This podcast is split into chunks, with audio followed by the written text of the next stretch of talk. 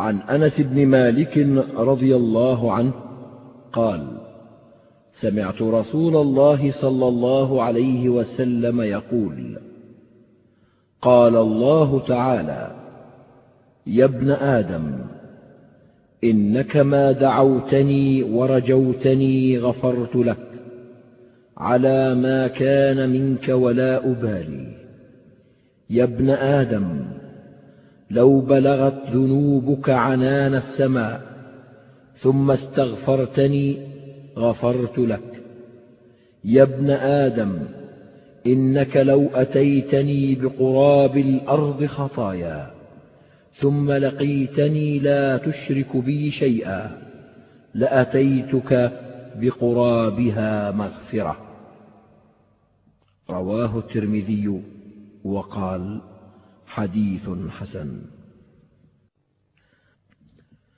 هذا الحديث تفرد به الترمذي خرجه من طريق كثير بن فائد حدثنا سعيد بن عبيد سمعت بكر بن عبد الله المزني يقول حدثنا أنس فذكره وقال حسن غريب لا نعرفه إلا من هذا الوجه.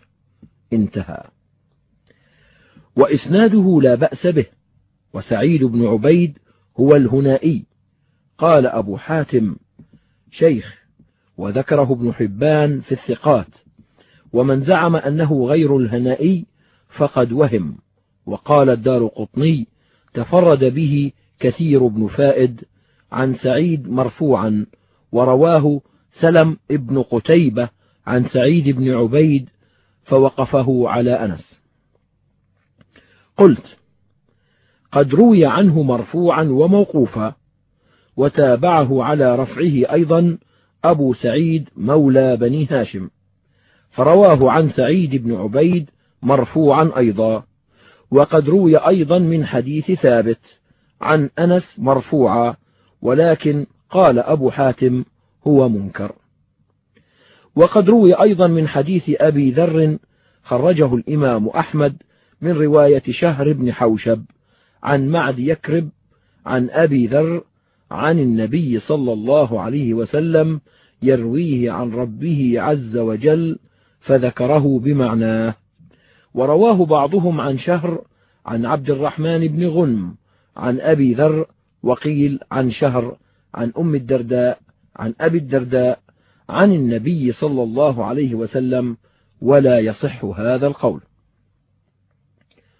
وروي من حديث ابن عباس خرجه الطبراني من رواية قيس بن الربيع عن حبيب بن أبي ثابت عن سعيد بن جبير عن ابن عباس عن النبي صلى الله عليه وسلم. وروي بعضه من وجوه أخر فخرج مسلم في صحيحه من حديث المعرور بن سويد عن أبي ذر عن النبي صلى الله عليه وسلم قال يقول الله تعالى من تقرب مني شبرا تقربت منه ذراعا ومن تقرب مني ذراعا تقربت منه باعا ومن أتاني يمشي أتيته هرولة ومن لقيني بقراب الأرض خطيئة لا يشرك بي شيئا لقيته بقرابها مغفرة. وخرج الإمام أحمد من رواية أخشن السدوسي قال دخلت على أنس فقال سمعت رسول الله صلى الله عليه وسلم يقول والذي نفسي بيده لو أخطأتم حتى تملأ خطاياكم ما بين السماء والأرض ثم استغفرتم الله لغفر لكم. فقد تضمن حديث أنس المبدوء بذكره أن هذه الأسباب الثلاثة يحصل بها المغفرة. أحدها الدعاء مع الرجاء فإن الدعاء مأمور به وموعود عليه بالإجابة كما قال تعالى وقال ربكم ادعوني أستجب لكم. وفي السنن الأربعة عن النعمان بن بشير عن النبي صلى الله عليه وسلم قال إن الدعاء هو العبادة. ثم تلا هذه الآية. وفي حديث آخر خرجه الطبراني مرفوعا من أعطي الدعاء أعطي الإجابة لأن الله تعالى يقول ادعوني أستجب لكم. وفي حديث آخر ما كان الله ليفتح على عبد باب الدعاء ويغلق عنه باب الإجابة. لكن الدعاء سبب مقتض للإجابة مع استكمال شرائطه وانتفاء موانعه وقد تتخلف إجابته لانتفاء بعض شروطه أو وجود بعض موانعه وقد سبق ذكر بعض شرائطه وموانعه وآدابه في شرح الحديث العاشر.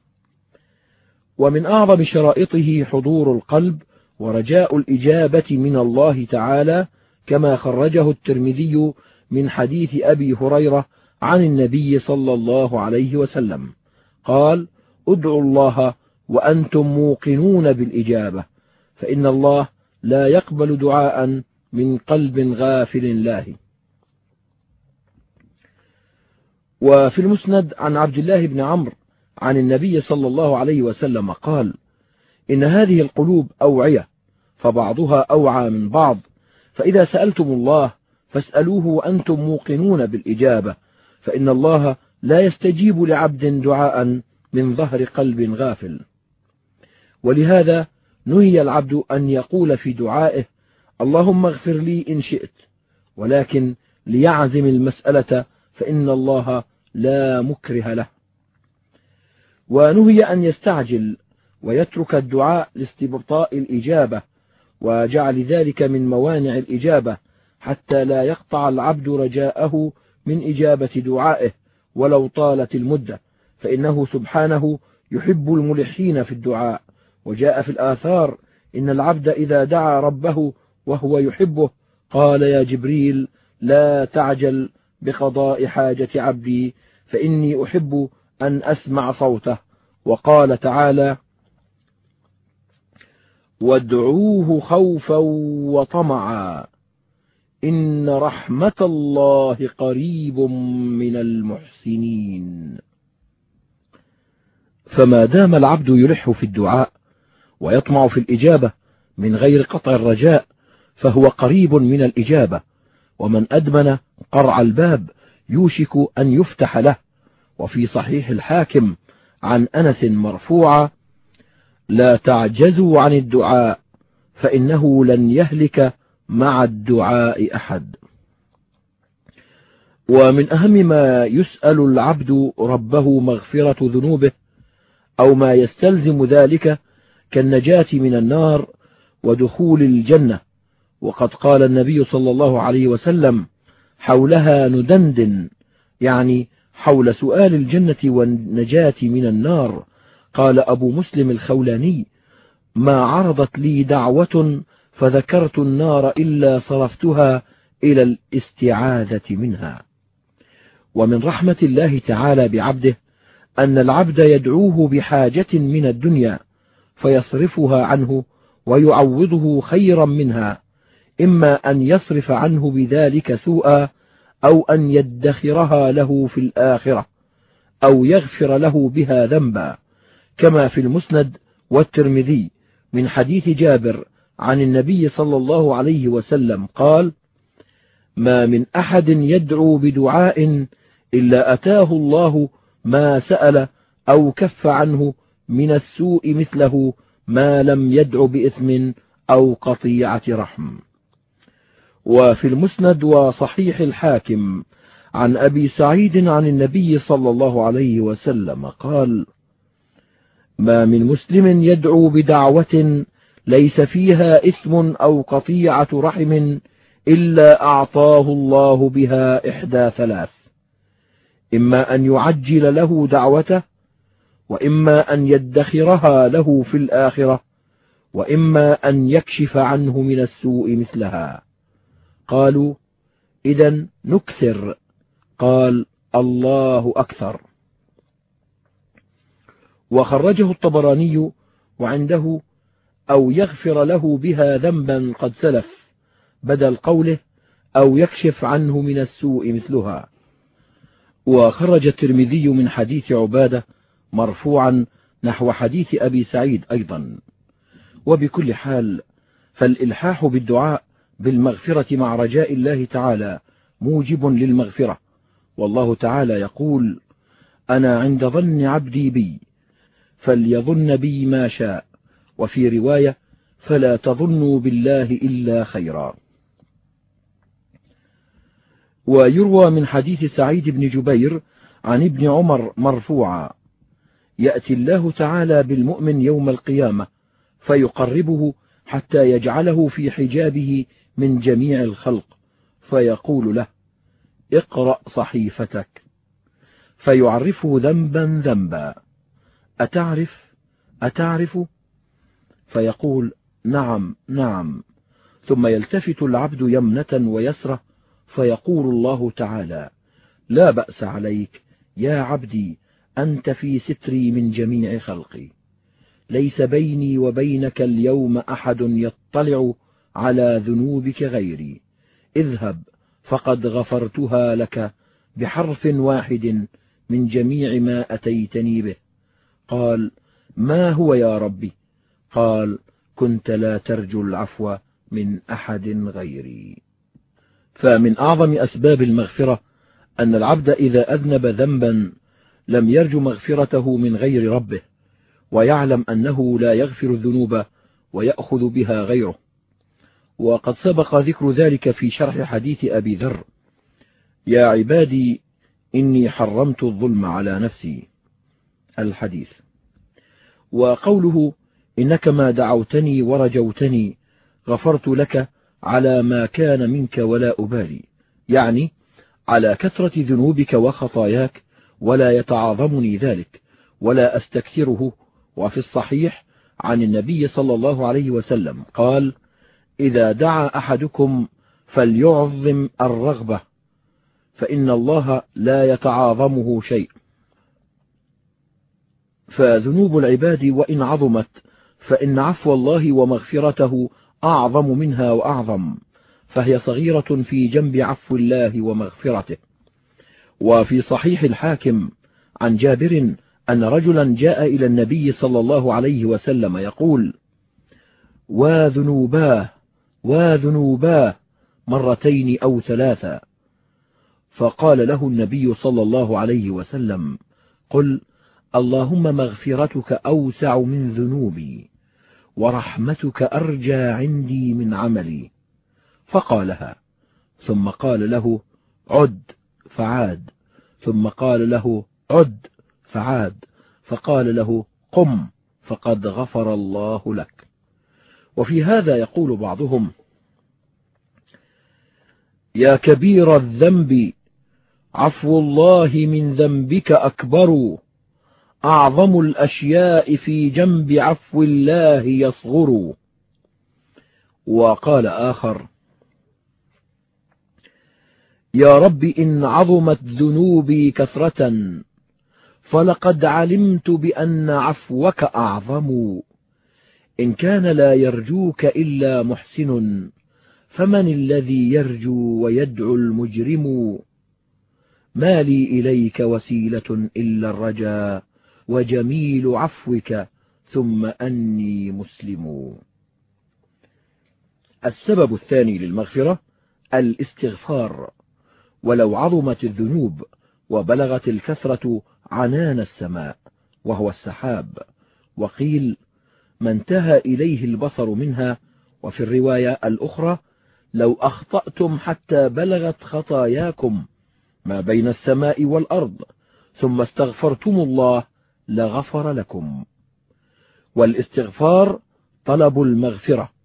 والمغفرة هي وقاية شر الذنوب مع سترها. وقد كثر في القرآن ذكر الاستغفار فتارة يؤمر به كقوله تعالى واستغفروا الله إن الله غفور رحيم وقوله وأن استغفروا ربكم ثم توبوا إليه. وتارة يمدح أهله كقوله والمستغفرين بالأسحار. وقوله وبالأسحار هم يستغفرون. وقوله والذين إذا فعلوا فاحشة أو ظلموا أنفسهم ذكروا الله فاستغفروا لذنوبهم ومن يغفر الذنوب إلا الله.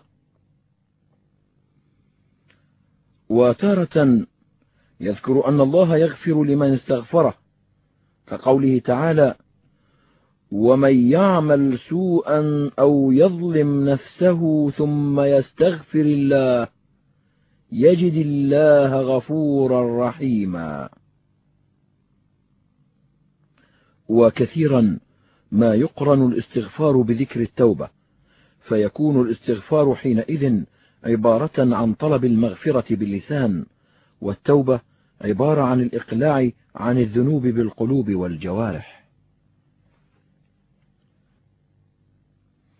وتارة يفرد الاستغفار ويرتب عليه المغفرة كما ذكر في هذا الحديث وما أشبهه. فقد قيل إنه أريد به الاستغفار المقترن بالتوبة وقيل إن نصوص الاستغفار المفردة كلها مطلقة تقيد بما يذكر في آية آل عمران من عدم الإصرار. فإن الله وعد فيها المغفرة لمن استغفره من ذنوبه ولم يصر على فعله. فتحمل النصوص المطلقة في الاستغفار كلها على هذا المقيد. ومجرد قول القائل اللهم اغفر لي طلب منه للمغفرة ودعاء بها فيكون حكمه حكم سائر الدعاء. فإن شاء الله أجابه وغفر لصاحبه لا سيما إذا خرج عن قلب منكسر بالذنب أو صادف ساعة من ساعات الإجابة كالأسحار وأدبار الصلوات. ويروى عن لقمان عليه السلام أنه قال لابنه يا بني عود لسانك اللهم اغفر لي فإن لله ساعات لا يرد فيها سائلا. وقال الحسن أكثروا من الاستغفار في بيوتكم وعلى موائدكم وفي طرقكم وفي أسواقكم وفي مجالسكم أينما كنتم فإنكم ما تدرون متى تنزل المغفرة. وخرج ابن أبي الدنيا في كتاب حسن الظن من حديث أبي هريرة مرفوعا بينما رجل مستلق إذ نظر إلى السماء وإلى النجوم فقال إني لأعلم أن لك ربا خالقا. اللهم اغفر لي فغفر له. وعن مورق قال كان رجل يعمل السيئات فخرج إلى البرية فجمع ترابا فاضطجع عليه مستلقيا. فقال رب اغفر لي ذنوبي. فقال إن هذا ليعرف أن له ربا يغفر ويعذب. فغفر له. وعن مغيث بن سمي قال بينما رجل خبيث فتذكر يوما فقال اللهم غفرانك اللهم غفرانك اللهم غفرانك. ثم مات فغفر له. ويشهد لهذا ما في الصحيحين عن أبي هريرة عن النبي صلى الله عليه وسلم أن عبدا أذنب ذنبا فقال رب أذنبت ذنبا فاغفر لي. قال الله تعالى علم عبدي أن له ربا يغفر الذنوب ويأخذ به. غفرت لعبدي ثم مكث ما شاء الله ثم أذنب ذنبا آخر فذكر مثل الأول مرتين أخريين. وفي رواية لمسلم أنه قال في الثالثة قد غفرت لعبدي فليعمل ما شاء. والمعنى ما دام على هذه الحال كلما أذنب استغفر والظاهر أن مراده الاستغفار المقرون بعدم الإصرار. ولهذا في حديث أبي بكر الصديق عن النبي صلى الله عليه وسلم قال ما أصر من استغفر وإن عاد في اليوم سبعين مرة. خرجه أبو ب داود والترمذي. وأما استغفار اللسان مع إصرار القلب على الذنب فهو دعاء مجرد إن شاء الله أجابه وإن شاء رده. وقد يكون الإصرار مانعا من الإجابة. وفي المسند من حديث عبد الله بن عمرو مرفوعا ويل للذين يصرون على ما فعلوا وهم يعلمون. وخرج ابن أبي الدنيا من حديث ابن عباس مرفوعا. التائب من الذنب كمن لا ذنب له والمستغفر من ذنب وهو مقيم عليه كالمستهزئ بربه. ورفعه منكر ولعله موقوف. قال الضحاك ثلاثة لا يستجاب لهم فذكر منهم رجل مقيم على امرأة زنى كلما قضى شهوته. قال رب اغفر لي ما أصبت من فلانة. فيقول الرب تحول عنها وأغفر لك. فأما ما دمت مقيما عليها فإني لا أغفر لك. ورجل عنده مال قوم يرى أهله. فيقول رب اغفر لي ما آكل من مال فلان. فيقول تعالى رد إليهم مالهم وأغفر لك. وأما ما لم ترد إليهم فلا أغفر لك. وقول القائل أستغفر الله معناه أطلب مغفرته. فهو كقوله اللهم اغفر لي. فالاستغفار التام الموجب للمغفرة هو ما قارن عدم الإصرار كما مدح الله أهله ووعدهم المغفرة. قال بعض العارفين من لم يكن ثمرة استغفاره تصحيح توبته فهو كاذب في استغفاره. وكان بعضهم يقول استغفارنا هذا يحتاج إلى استغفار كثير. وفي ذلك يقول بعضهم أستغفر الله من أستغفر الله من لفظة بدرت خالفت معناها وكيف أرجو إجابات الدعاء وقد سددت بالذنب عند الله مجراها.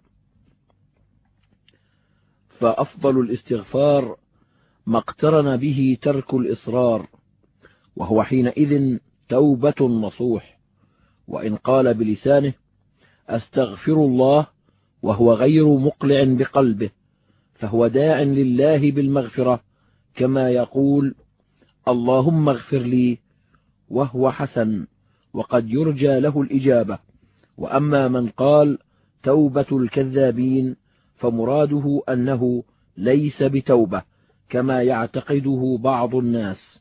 وهذا حق فإن التوبة لا تكون مع الإصرار. وإن قال أستغفر الله وأتوب إليه فله حالتان. إحداهما أن يكون مصرا بقلبه على المعصية فهذا كاذب في قوله وأتوب إليه لأنه غير تائب. فلا يجوز له أن يخبر عن نفسه بأنه تائب وهو غير تائب. والثانية أن يكون مقلعا عن المعصية بقلبه فاختلف الناس في جواز قوله وأتوب إليه فكرهه طائفة من السلف وهو قول أصحاب أبي حنيفة حكاه عنهم الطحاوي وقال الربيع بن خثيم يكون قوله وأتوب إليه كذبة وذنبا ولكن ليقل اللهم تب علي أو يقول اللهم إني أستغفرك فتب علي. وهذا قد يحمل على من لم يقلع بقلبه وهو بحاله أشبه.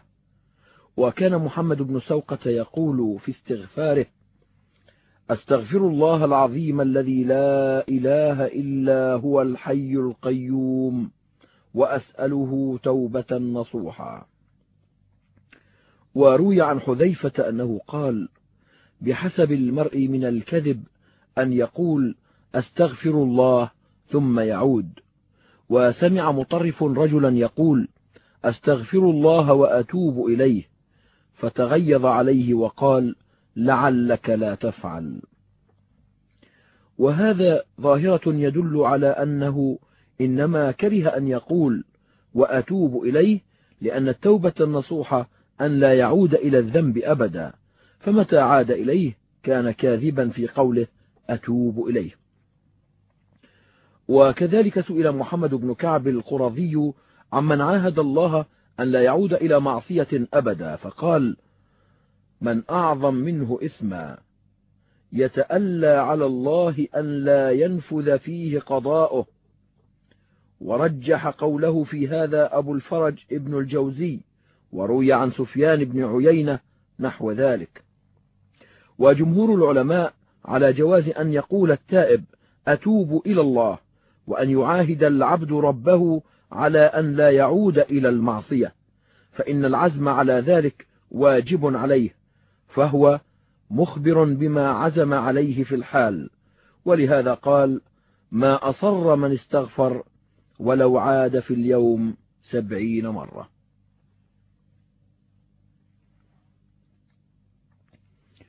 وقال في المعاود للذنب قد غفرت لعبدي فليعمل ما شاء.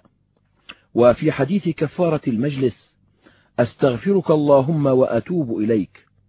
وقطع النبي صلى الله عليه وسلم سارقا ثم قال له استغفر الله وتب إليه. فقال أستغفر الله وأتوب إليه. فقال اللهم تب عليه. خرجه أبو داود. واستحب جماعة من السلف الزيادة على قوله أستغفر الله وأتوب إليه فروي عن عمر أنه سمع رجلا يقول أستغفر الله وأتوب إليه. فقال له يا حميق قل توبة من لا يملك لنفسه ضرا ولا نفعا. ولا موتا ولا حياة ولا نشورا. وسئل الأوزاعي عن الاستغفار أيقول أستغفر الله الذي لا إله إلا هو الحي القيوم وأتوب إليه؟ فقال إن هذا لحسن ولكن يقول رب اغفر لي حتى يتم الاستغفار. وأفضل أنواع الاستغفار أن يبدأ العبد بالثناء على ربه ثم يثني بالاعتراف بذنبه. ثم يسأل الله المغفرة كما في حديث شداد بن أوس عن النبي صلى الله عليه وسلم. قال سيد الاستغفار أن يقول العبد اللهم أنت ربي لا إله إلا أنت خلقتني وأنا عبدك وأنا على عهدك ووعدك ما استطعت. أعوذ بك من شر ما صنعت أبوء لك بنعمتك علي. وأبوء بذنبي فاغفر لي فإنه لا يغفر الذنوب إلا أنت. خرجه البخاري. وفي الصحيحين عن عبد الله بن عمرو أن أبا بكر الصديق رضي الله عنه قال يا رسول الله علمني دعاء أدعو به في صلاتي.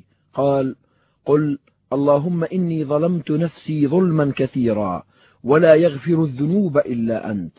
فاغفر لي مغفرة من عندك وارحمني إنك أنت الغفور الرحيم.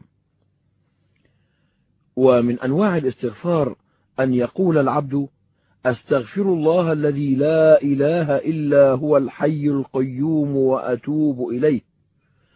وقد روي عن النبي صلى الله عليه وسلم أن من قاله غفر له وإن كان فر من الزحف خرجه أبو ب داود والترمذي. وفي كتاب اليوم والليلة للنسائي عن خباب بن الأرت قال قلت يا رسول الله كيف نستغفر؟ قال قل اللهم اغفر لنا وارحمنا وتب علينا إنك أنت التواب الرحيم. وفيه عن أبي هريرة قال ما رأيت أحدا أكثر أن يقول أستغفر الله وأتوب إليه من رسول الله صلى الله عليه وسلم. وفي السنن الأربعة عن ابن عمر قال إن كنا لنعد لرسول الله صلى الله عليه وسلم في المجلس الواحد م مرة. يقول رب اغفر لي وتب علي إنك أنت التواب الغفور. وفي صحيح البخاري عن أبي هريرة عن النبي صلى الله عليه وسلم قال والله إني لأستغفر الله وأتوب إليه في اليوم أكثر من سبعين مرة. وفي صحيح مسلم عن الأغر المزني عن النبي صلى الله عليه وسلم قال إنه ليغان على قلبي وإني لأستغفر الله في اليوم م مرة.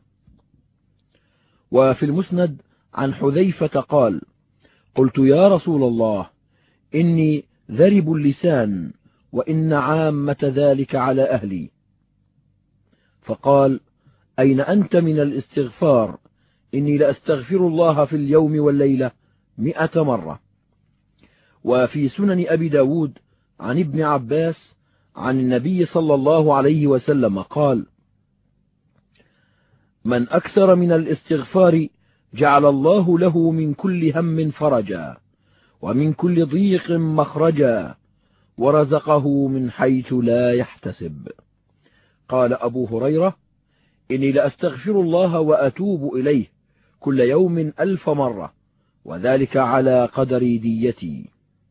وقالت عائشة طوبى لمن وجد في صحيفته استغفارا كثيرا. قال أبو المنهال ما جاور عبد في قبره من جار أحب إليه من استغفار كثير. وبالجملة فدواء الذنوب الاستغفار. وروينا من حديث أبي ذر مرفوعا إن لكل داء دواء وإن دواء الذنوب الاستغفار. قال قتادة إن هذا القرآن يدلكم على دائكم ودوائكم فأما داؤكم فالذنوب وأما دواؤكم فالاستغفار. قال بعضهم إنما معول المذنبين البكاء والاستغفار فمن أهمته ذنوبه أكثر لها من الاستغفار. قال رياح القيسي لي نيف وأربعون ذنبا قد استغفرت الله لكل ذنب م ألف مرة. وحاسب بعضهم نفسه من وقت بلوغه فإذا زلاته لا تجاوز ستا وثلاثين زلة فاستغفر الله لكل زلة م ألف مرة وصلى لكل زلة ألف ركعة ختم في كل ركعة منها ختمة. قال ومع ذلك فإني غير آمن سطوة ربي أن يأخذني بها. وأنا على خطر من قبول التوبة. ومن زاد اهتمامه بذنوبه فربما تعلق بأذيال من قلت ذنوبه فالتمس منه الاستغفار. وكان عمر يطلب من الصبيان الاستغفار ويقول إنكم لم تذنبوا. وكان أبو هريرة يقول لغلمان الكتاب قولوا اللهم اغفر لأبي هريرة فيؤمن على دعائهم. قال بكر المزني لو كان رجل يطوف على الأبواب كما يطوف المسكين يقول أستغفروا لي لكان نوله أن يفعل. ومن كثرت ذنوبه وسيئاته حتى فاتت العد والإحصاء فليستغفر الله مما علم الله فإن الله قد علم كل شيء وأحصاه كما قال تعالى يوم يبعثهم الله جميعا فينبئهم بما عملوا أحصاه الله ونسوه. وفي حديث شداد بن أوس عن النبي صلى الله عليه وسلم أسألك من خير ما تعلم وأعوذ بك من شر ما تعلم وأستغفرك لما تعلم إنك أنت علام الغيوب.